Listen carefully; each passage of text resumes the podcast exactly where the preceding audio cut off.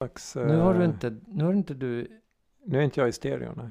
nej det är den där jävla knappen. Prata nu då. Prata nu då. Mycket bättre. Nu hör jag dig båda. Ja.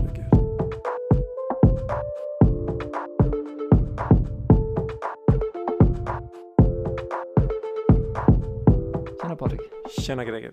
hur är läget idag då? Ja, läget är nog eh, bättre än med dig tror jag. Du ser ju inte ut som du har sovit många timmar. Nej, kanske är lite trött nu. Det är, ju, det är ju Australian Open nu vet du, det har börjat. Ah, i jag- tennis. Ja, exakt. Jag är ju lite sån här nattuggla också. Så det är Mhm. lätt för mig att sätta på tvn och så är det någon match och så blir jag sittande framför den där. Händer aldrig att du somnar? Äh, igår var det nära. jag klarar mig. Men Brukar du kolla på tennis? Jag älskar att kolla på tennis och eh, skulle nog vilja påstå att det präglade en stor del av mina tonår. Det är samma här. Mm. För mig är det rätt så kul för jag har jag kollar jättemycket på ja, men svenska tennisundret 80-talet så var man ju alla stora turneringar och Stefan Edberg, Mats Wilander och sen en hel hög med andra som faktiskt var topp 10. Mm. Det var helt sjukt vad bra vi var Mm.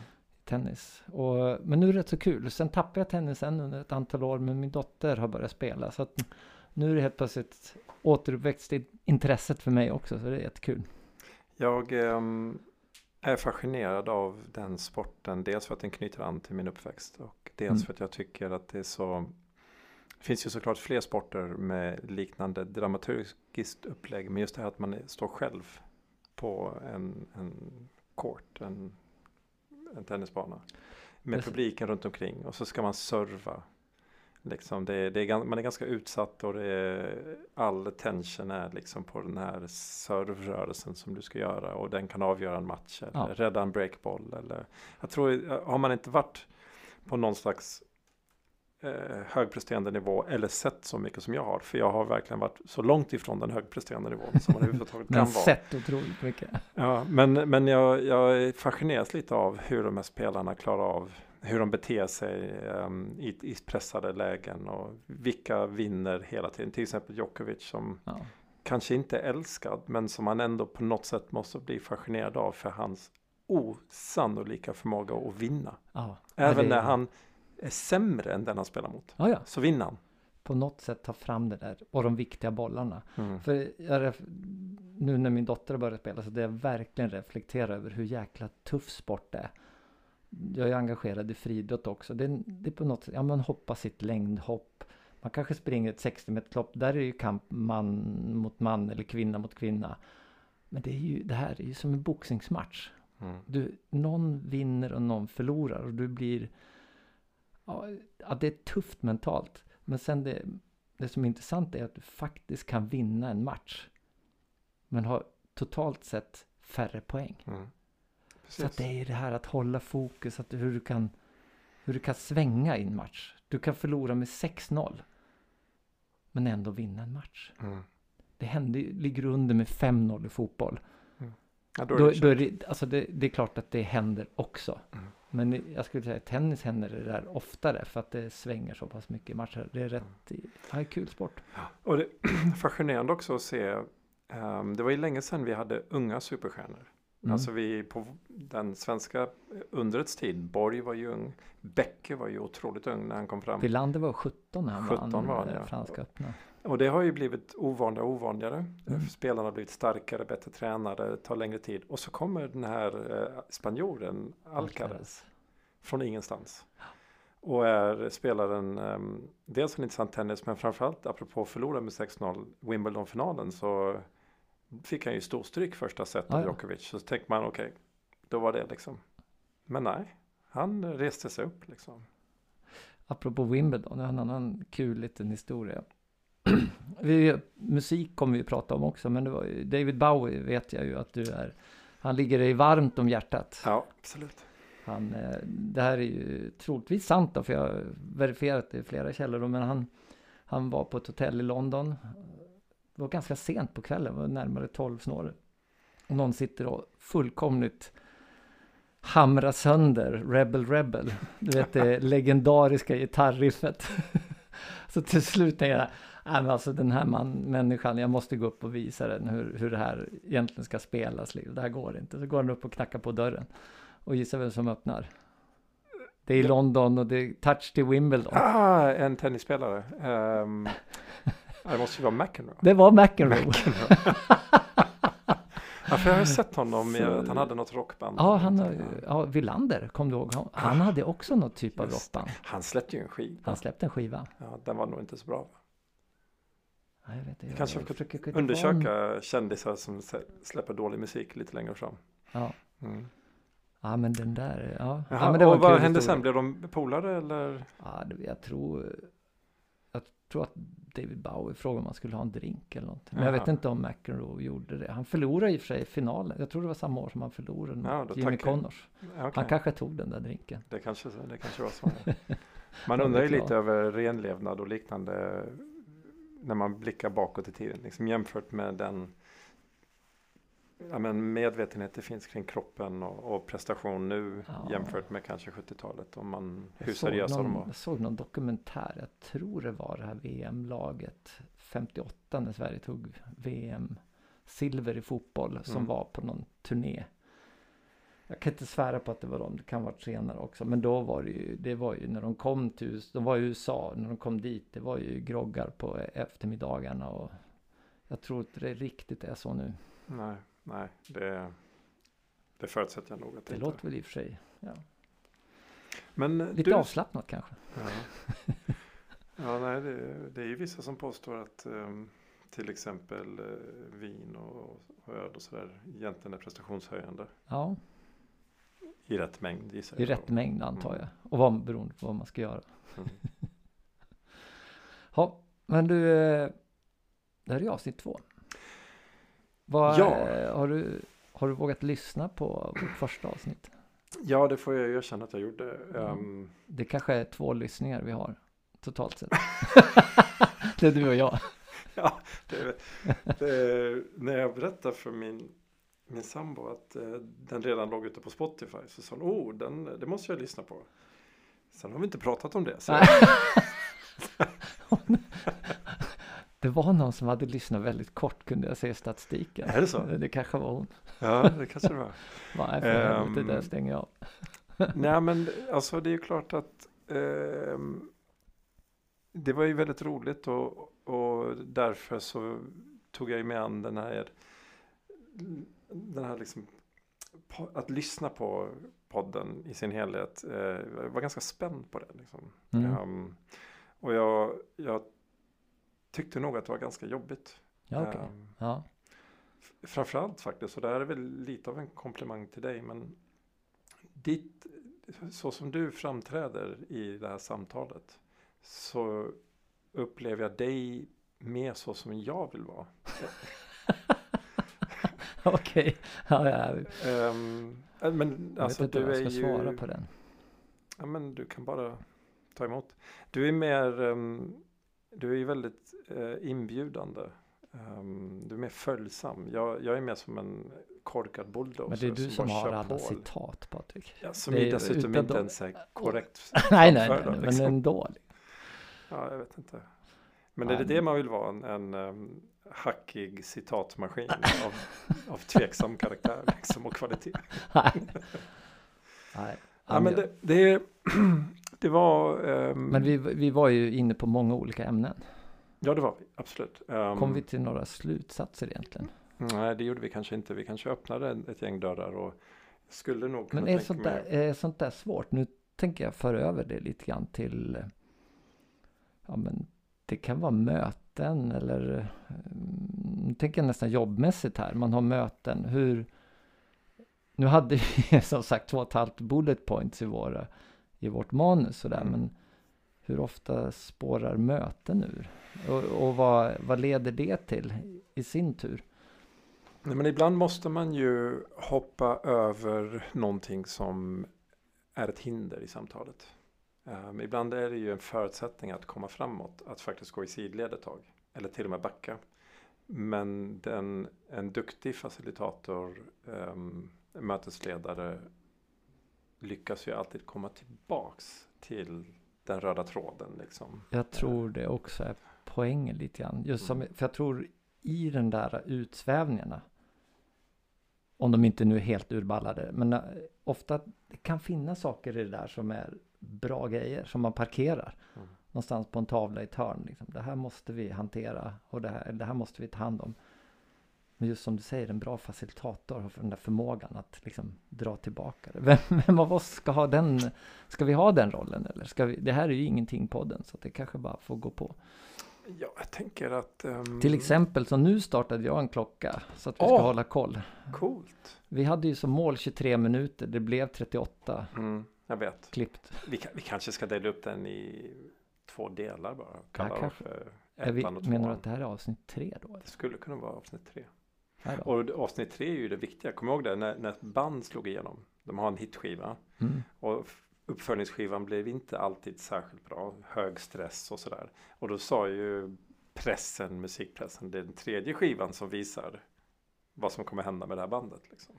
Så det är det här avsnittet. Ah, har vi några exempel på det? Nej, jag är ju som vanlig. Jag bara kläcker ur mig grejer som jag har läst någonstans men inte minns. Jag tänkte på, vi lyssnade ju lite här, det var, gick igång någon låtlista här innan och Mm. där var ju Nirvana. Mm.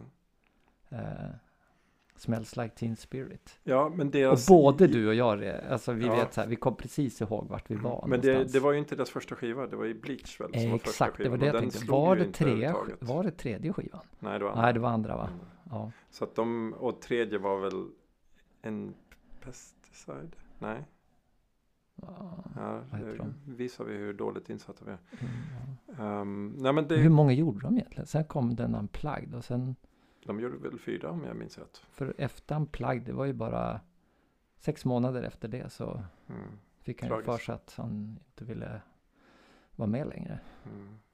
Kurt Cobain. Det gick ju en dokumentär om det. Det var därför jag kom ihåg att det var Unplugged och sen var det sex månader efter. Vilket år var det nu då?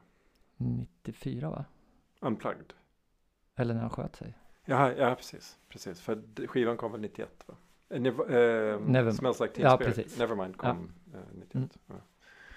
Var, Ja. den, eh, var det någon som var viktig för dig då? När du... Extremt viktig. Ja, Jag, ehm, jag, jag har alltid gillat kombinationen av popharmonier med, ska vi säga, distat ljud. Mm. Ehm, och innan, innan Nirvana så fanns det ju band. tidig R.E.M. eh, var ju lite där.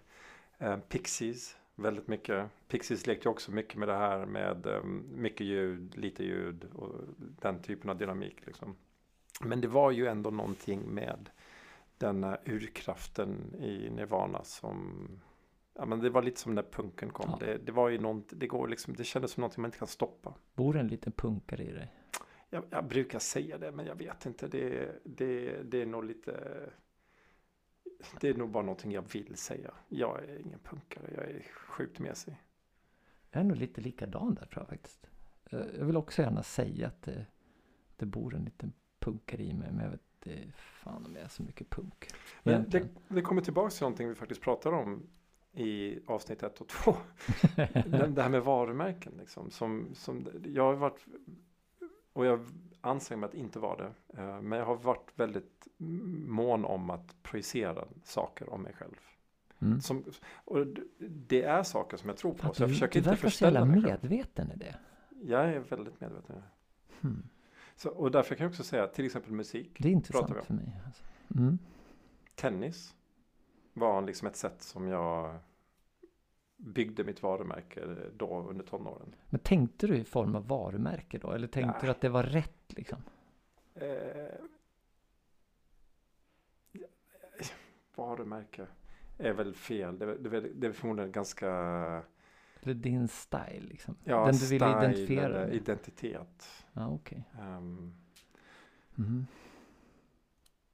Det, det finns faktiskt, nu har vi ett sånt där citatögonblick. Sartre har skrivit någonting om the extended self. Ja, det här var länge sedan jag skrev, äh, läste. äh, så jag blir lite osäker.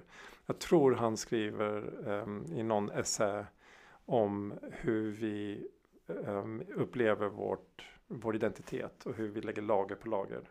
Och så finns det en som vi projicerar och den um, klär vi in med saker, kläder till exempel. Kläder som vi väljer att ha på oss Mm. är en del av hur jag vill uttrycka visuellt. Ja.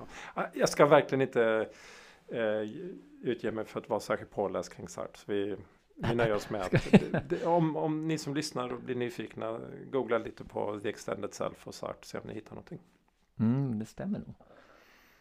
Mm. Antagligen gör, är det sån här sak som man kanske gör mer eller mindre medvetet? Funderar jag på. Jag vet inte om jag varit så medveten. Tänker jag varumärken eller vad jag vill klä mig? Antagligen har jag gjort det. Jag har olika identiteter men det är ändå så att jag... Alltså, jag man vill minnas att kanske det, göra det, jag vet att- inte. att Employer snabbt. branding och sånt. Ja, alltså som sagt varumärke kanske var fel ord. mm. Men jag vill minnas att jag ganska snabbt förstod att du hade en elitidrottbakgrund när vi träffades.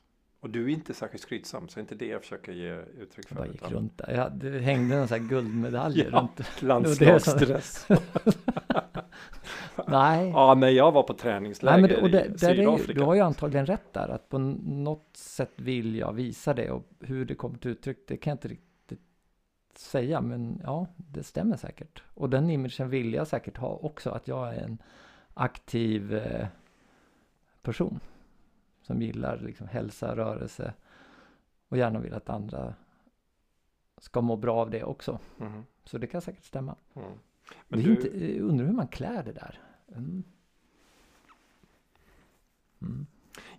jag, jag, är, jag, jag är fortfarande, men har varit betydligt mer eh, skrytsam och medveten. Och, ehm, och ironin i det är när jag tänker på trevliga människor, inspirerande människor, så är de ju ofta sådana som kan vara i ett rum en halv kväll. Utan att man egentligen vet någonting om dem. Och du, du vet, och vi diskuterar Bowie och McEnroe och var det 1981 eller 1980 bla bla bla. Och sen i slutet så visade det sig att han bodde i rummet bredvid och berättade om allting och han blev också inbjuden på drinkar. Men, men hade aldrig något behov av att säga det. Nej. Den typen av personlighet. Um, Ja. Egentligen det jag blir inspirerad av och skulle faktiskt vilja se mig själv. Fast jag är ju på andra ändan av den skalan. Du bara bränner på. Ja, det är olidligt.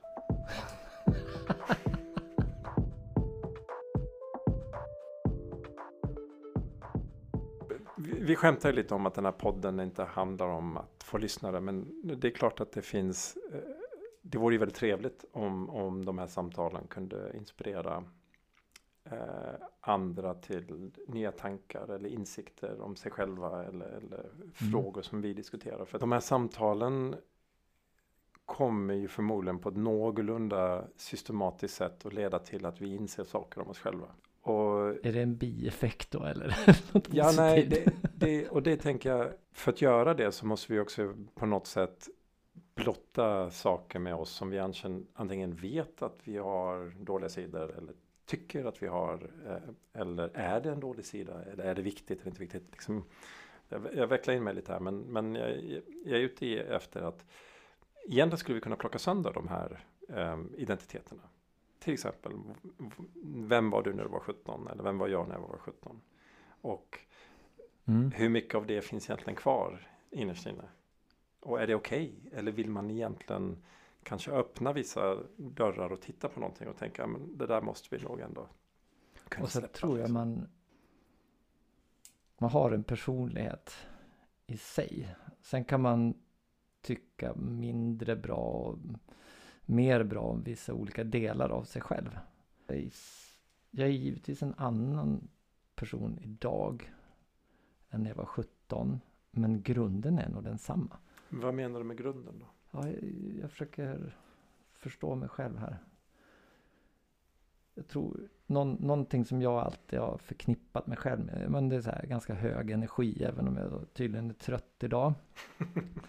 eh, ja men ganska positiv livssyn. Lite naiv vad jag tror om andra. Jag tror gott om de flesta. Vilket i, eh, grunden kanske är bra men också ibland kan det vara bra att vara lite misstänksam också. Att alla kanske inte har go- gott uppsåt. Ehm, det är så här grundläggande saker som de känner jag inte har egentligen förändrats. skulle man kunna säga att det är ett grundmode i en person. Ja, och kanske. sen kommer lite flavors. Mm. Och man utvecklas och man hamnar i olika sammanhang där man kanske fångar upp någon sida som man inte hade. Jag har ju, Det- ja. det, för att hoppa in på ett sidospår här, men Ja. jag har ju, ja, men, du och jag, vi, vi är samma yrkesområde där vi, vi, vi jobbar inom IT då. Är- och där har man alltid haft sin plats har jag känt. Att, ja, men jag, jag kan, även egentligen från början, att ja, men jag kan, jag känner mig hemma i den här domänen, de människorna jag jobbar med och de människor jag träffar. Så jag har haft idrotten där jag också alltid har känt mig självklar. Eh, och sen för, ja, det är snart tio år sedan, så läste jag, jag tycker om att skriva. Eh, så jag vi träffade, ja nu blir jag långrandig, så ser vi klipper bort det här, men jag träffade i jobbet då en kvinna som berättade att, eh, som jag började jobba med och efter ganska kort tid sa hon att ja, men jag ska sluta. Så vi måste lämna över det här projektet. Och då vart jag så nyfiken, du har ju precis börjat. Varför ska du sluta? Ja, men då visade det sig att hon hade skrivit en bok som hade börjat sälja väldigt bra. Och jag blev lite inspirerad av det där. Och tänkte, ja men kan hon skriva och jobba, ha den roll som hon hade så borde jag, borde inte jag också kunna göra något riktigt av mitt skrivande. Så jag bestämde mig, ja, jag ska tusan börja skriva och försöka göra en bok. Skriva lite mer seriöst. Du vet, man börjar planera, men jag ska skriva de här dagarna och lägga den här tiden på det. Så skickade jag ett mail till henne och berättade att hon hade inspirerat mig till att också börja skriva mer seriöst. Och då sa han, ja det är jättekul och jag hade ju aldrig klarat det här om jag inte hade gått författarskolan i Lund. Jag bara så här, författare, vad finns det skolor för författare liksom? vad är det för någonting? Så jag kollade upp det och mycket riktigt så fanns det ju författarskola i Lund. Och fanns ju för övrigt många fler skrivarskolor överallt. Men eh, det var en värld som jag inte var bekant med, jag hade ingen aning om det här. Men jag sökte in på den här och kom in. Och då placerades jag i en värld, ja men, jag vet inte hur jag ska uttrycka det här rätt, men där det var människor som jag, det är journalister, författare, kulturfolk, en värld som egentligen har varit helt separerad från mig. Jättespännande att få liksom titta på sig själv i den kontexten. Och se vilken roll man fick där. Och då tänker jag nog, om jag skulle fråga dem så tror jag nog de skulle se det som kanske många andra också, alltså de här grunderna, vem är jag? Jag tror de kanske skulle säga just, ja men energi skulle säkert kunna dyka upp. Vi pratade ju lite om det här med scen. Ställde du ju en fråga om om man inte bara ska vara sig själv. Och där, där var det lite äpplen och päron. Jag, jag menar inte att inte vara sig själv. Jag menar däremot att man kan ju begränsa sig själv. Mm. Av olika anledningar. Jag gick in i någon otroligt bisarr eh, jämförelse med läkarföräldrar som får läkardöttrar etc. Men du fick en roll, lite grann. Du fick och tar. Det där är ju ett Ja, komplext li- spel. ja, eh, exakt. liksom. Lite så. Mm. Och, och, du, och du var ju tvungen att gå in på den scenen just. Absolut. Mm. Och mer, absolut mer avvaktande. Om jag nu ska tänka tillbaka så absolut mer avvaktande. Mycket mer att läsa av. Än vad jag skulle göra. Men kommer in på ett nytt jobb inom IT där man på något... Alltså jag, det är klart man läser av folk då också. Man vill, man vill veta liksom hur Mm. de här dolda strukturerna kanske är. Det, det, det är klart att man, man håller ögonen öppna på sånt. Men du, du har också en självklarhet i för att du kan kontexten så kan man vara mer självklar. Där var jag mycket mer avvaktande. kan ju vara så att det här är, mm, att det är, har ett värde i sig att just byta de här, gå in i ett sånt kontext där man inte är hemma. Just för att öva sig i att inte vara herre på täppan. Typ liksom att, att tvingas orientera sig i, okej vem blir jag här och vad betyder det för mig? Vad lär jag mig för någonting här? Ja. Ehm, Är det en slutsats då här? Kan vara, Att man ska utmana sig och sätta sig i... ja men definitivt, att vi gör det här. är det behöver inte vara sätt. obekvämt men bara annorlunda situationer. Ja. Någonting borde man få för- med sig. Föreställ dig att det inte fanns poddar. Och eh, för att ha det här samtalet och känna den nerven som kommer av att vi vet att vi ska publicera det. Så har man varit tvungen att göra det inför publik. Det hade varit häftigt ju. så jag tänker, jag säger bara, not gonna happen. Okej. Ja.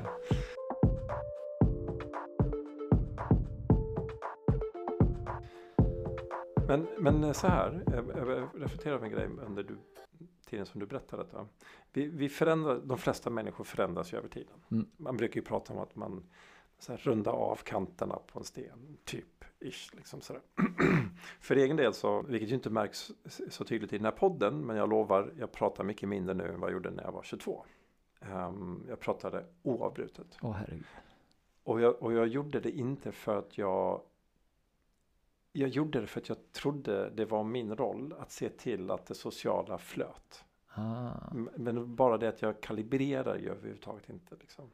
okej. Jag, jag hade förmånen att gå en magisterutbildning där det fanns ehm, eh, stora komponenter av ledarskap. Och ledarskap börjar ju med självledarskap.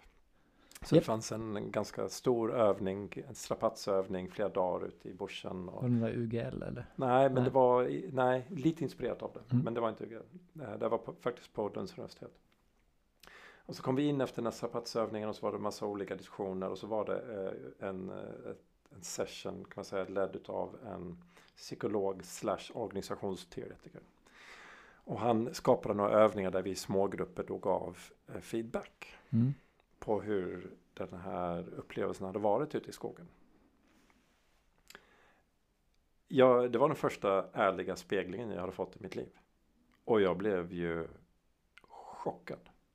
Alltså jag trodde att jag var en easygoing, rolig, energihöjande person som var omöjlig att inte gilla. Ah, för till Jerry Seinfeld, det finns ju något avsnitt där hans föräldrar säger Who doesn't like Jerry? Ja, ja, ja. får kolla upp. Ja. Mm. Ehm, men så, jag såg verkligen på mig själv så. Jag, jag, det, det låter ju, jag skäms ju nu när jag säger det. Liksom. Jag, Ja. jag vet inte om det hörs hur jag rodnar. Liksom. Ja, jag ser det. Jag Men- kan bekräfta. Ehm, men, men jag tog ju den här återkopplingen på väldigt, väldigt, väldigt stort allvar. Ja. Ehm, men vad det som eventuellt intellekt, intellektuellt präglade mig hade jag ändå svårt att få omsättning för. Liksom, utan det är ju med tiden. ja. Nu, är jag, nu ser jag mig själv lite grann så som du beskriver. Att går jag in i ett ledningsgrupp, antingen som konsult eller en, en grupp som jag ingår i, en ledningsgrupp, så är det klart att jag använder tystnaden 95 procent ja. för att se vad är det egentligen som sägs och varför och vem jag var då. Det är konsten att lyssna. Ja. Den är ju... Men det har ju också tagit mig 50 år. Det går. Ja. Det Men, men går. är frågan då, har den, har den ökade förmågan kommit för att jag har ansträngt mig och av olika omständigheter ställts inför att det här är ett bättre eller ett annat sätt att jobba på? Mm. Eller är det bara för att jag har blivit äldre? Den, det vet man inte. Kan man veta det? Ja, Men det, om inte vi vet, vem vet, vem vet då? Ja, det, Här i den här podden så är det vi som vet. ja, det kanske är det. Men, eh, mm, Nej, men jag menar, men man jag, kan ju spekulera. Liksom. ja. ja, men jag vill nog mest knyta an till det som jag tror då. mm, När man går de här ledarskapsutbildningarna och så vidare så är det ju alltid det som det börjar med. Att du måste börja med dig själv. Mm. Och det är väl ett råd om något till möjligtvis sådana som är lite yngre. Liksom, att börja förstå dig själv. Ehm, för det är där du börjar ditt självledarskap. Och då landar man ju i det där. Vem, vem är jag? Och hur uppfattas jag? Och just att få den där feedbacken. Och feedback i sig är ju rätt bara ett ämne i sig som man kan prata hur mycket som helst om. Hur ger man bra feedback? Vågar man ge feedback? Vågar du ge feedback? Ja, ehm, ja, absolut. Eh, det gör jag. Ehm, Även när det är trixigt. Ja, alltså nej, när, det, precis. när det, den här personen är eh, de här sidorna gillar vi inte. nej. Och vi, Eh. nu säger jag vi för att det kanske, det kanske är ett kollektiv som pekar på att här är något som inte stämmer. Hur för man fram sån feedback? nej, men precis. Jag, jag, när jag sa så enkelt, ja, jag ger feedback, så var det ju för att jag är duktig på att ge positiv feedback. Och då menar jag inte att jag hittar på eh, positiva saker, utan Mm. jag, jag ser snabbt positiva saker och så förstärker dem. Och det, Ehm. det tror jag är nog de flesta. Det är ju ganska enkelt och Det är ganska tacksamt. enkelt. Det är ju när det är det här, När man ska ge någonting som gör Ja, lite ont i magen, men som är viktigt. den tycker jag är svår. Det finns ju Men- det men de kallar för the så- sandwich. va? Ja, och sen är det ju också det, som med mycket annat så finns det två sidor av mynt. Det som å ena sidan kan vara din styrka kan också vara din svaghet. Mm. Det är Så- alltid ett bra sätt att uh, väva in. Eh, Det, Mm. jag tycker det är ett bra sätt att väva in. Mm. Det är samma sak om du är på en jobbintervju och någon, du ska berätta om dina styrkor och svagheter. Mm. Då är det också så. Att, Jag brukar ju alltid Jag pratar ju oftast eh, en timme om mina styrkor. Svagheter, det, har jag, Ja, det får ni själva komma ja. Ja. Nej men ehm, jag, jag hade faktiskt förmånen att ehm, coacha en eh, person som jag upplevde var lik den personen jag tyckte jag själv var i yngre år. Mm. Och det intressanta var under det här coachande samtalet så insåg jag vad jag själv behövde bli bättre på. Så är ju oftast bra coachande ja, ja, samtal. det är liksom. ju det bästa. Och det, det jag sa till den här personen, för det var ju verkligen en person med talets gåva.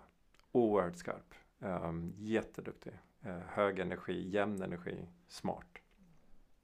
Och så sa jag till den här personen att om, om du använder den här förmågan alltid så tappar den ju i värde.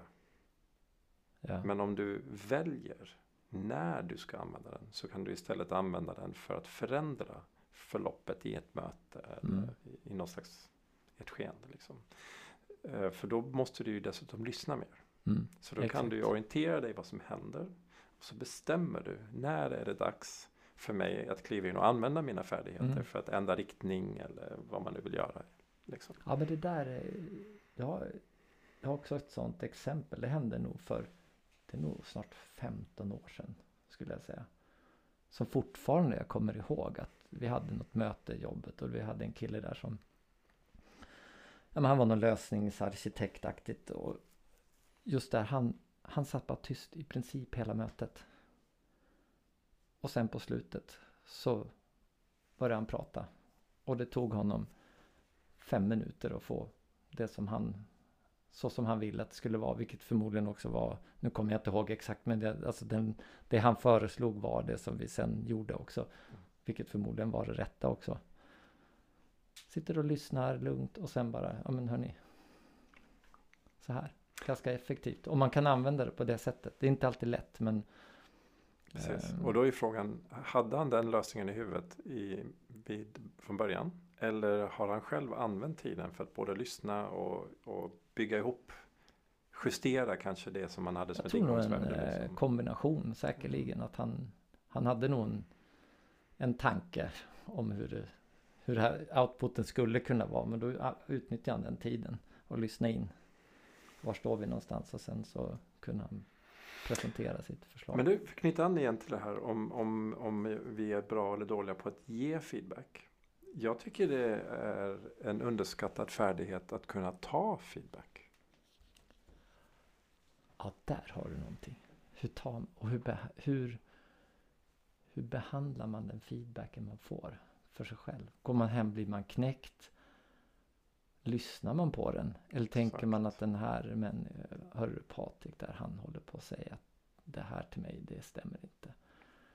Ehm, också, ja, nej, den där, det, jag tänker på det du sa om positiv feedback kan ju kännas bra för en själv att man, man klappar sig lite på axeln. Ja men nu sa jag att det här var bra gjort.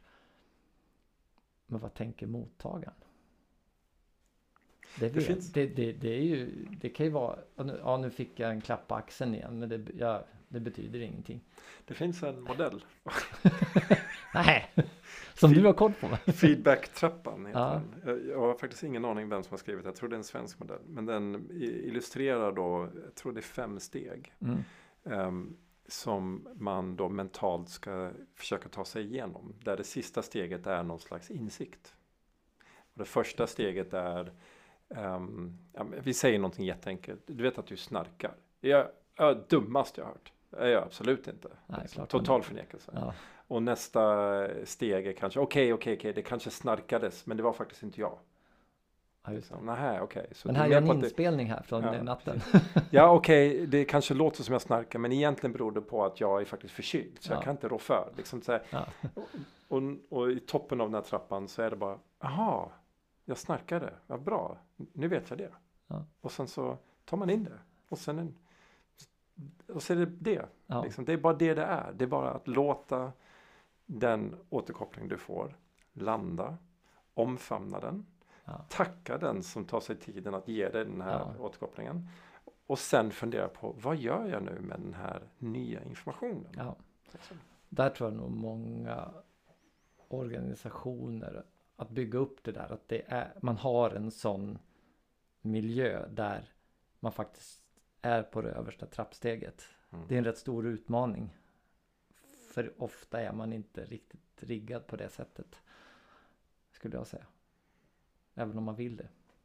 Men du, jag tänkte vi kan avsluta det här avsnittet med att jag faktiskt ger dig lite feedback. Du, du har ju varit en, eh, du, du pratade lite om det här med hög energinivå och Ja, det var det jag sa. Du får vi höra. Du vet Nej men, ju. nej, men visst, du, vi är väl båda två sådana som tillför energi eh, och positiv, positivism kan vi säga. Liksom. Ehm, och det är roligt det där med att du tar upp naivitet för att eh, ibland så betraktas man som naiv och jag, och jag har gått på mina smällar eh, under åren eh, i yrket liksom. Där jag har underskattat komplexiteten i till exempel ett politiskt motstånd eller ja, Ja. never mind. Liksom. Jag har gjort bort mig. Mm. Nej, den feedback jag tänkte ge dig är att sen vi spelade in, för det första vi sitter ju hemma hos dig, du har gjort i ordning här, liksom försökt att fixa så att vi eh, har bra ljudförutsättningar och Mm. du har fixat lite extra utrustning och Mm. mikrofoner och, Mm. eh, och inte bara det. Sen efter att jag cyklade hem och, och hängde med min familj så har du ju liksom suttit och klippt och fört in eh, musik och fixat med Spotify och gjort jättemycket jobb Mm. som jag inte ens riktigt förstod att det skulle hända nu. Men du bara gör det. liksom. Det. Och det är ju fantastiskt för annars hade vi inte kunnat sitta här nu och tänka ja men nu vet vi hur en podd låter. Nu ska Ja. vi fortsätta göra en Ah. sån podd. Ja, tack. Lite action.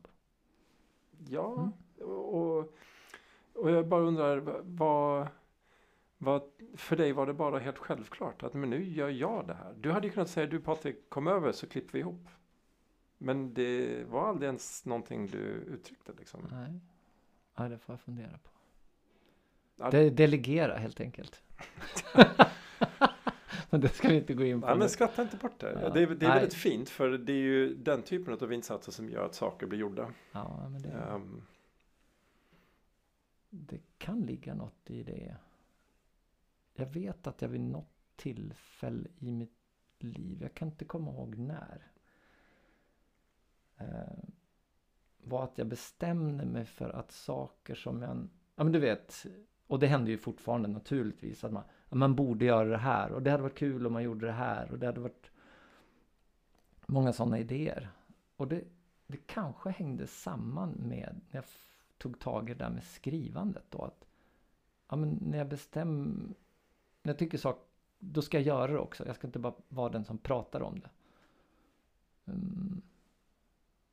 Så det, sen om det kanske är tillbaka på att det är ett varumärke som jag ville ha då. Att I så fall jag ska eh, göra grejer. ett Inte vet bra, jag. en bra del av din identitet. Att Jag du är den inte. som inte bara startar saker utan fullföljer. Ja, kanske. Jag vet inte. Ja, men ska vi, eh, ska vi avsluta där då? Det tycker Får jag. ge dig feedback? Ett annat avsnitt. Ja, det, Mm. det ser jag fram emot. Så kan vi klippa bort det sen. Ja, ja, men vi säger är, så. Eh, det är underbart att sitta här med dig Greger. Ja, Låt tack oss detsamma. hoppas att eh, våra lyssnare känner samma. Ha det bra Patrik. Ha det bra. Hej. Hej.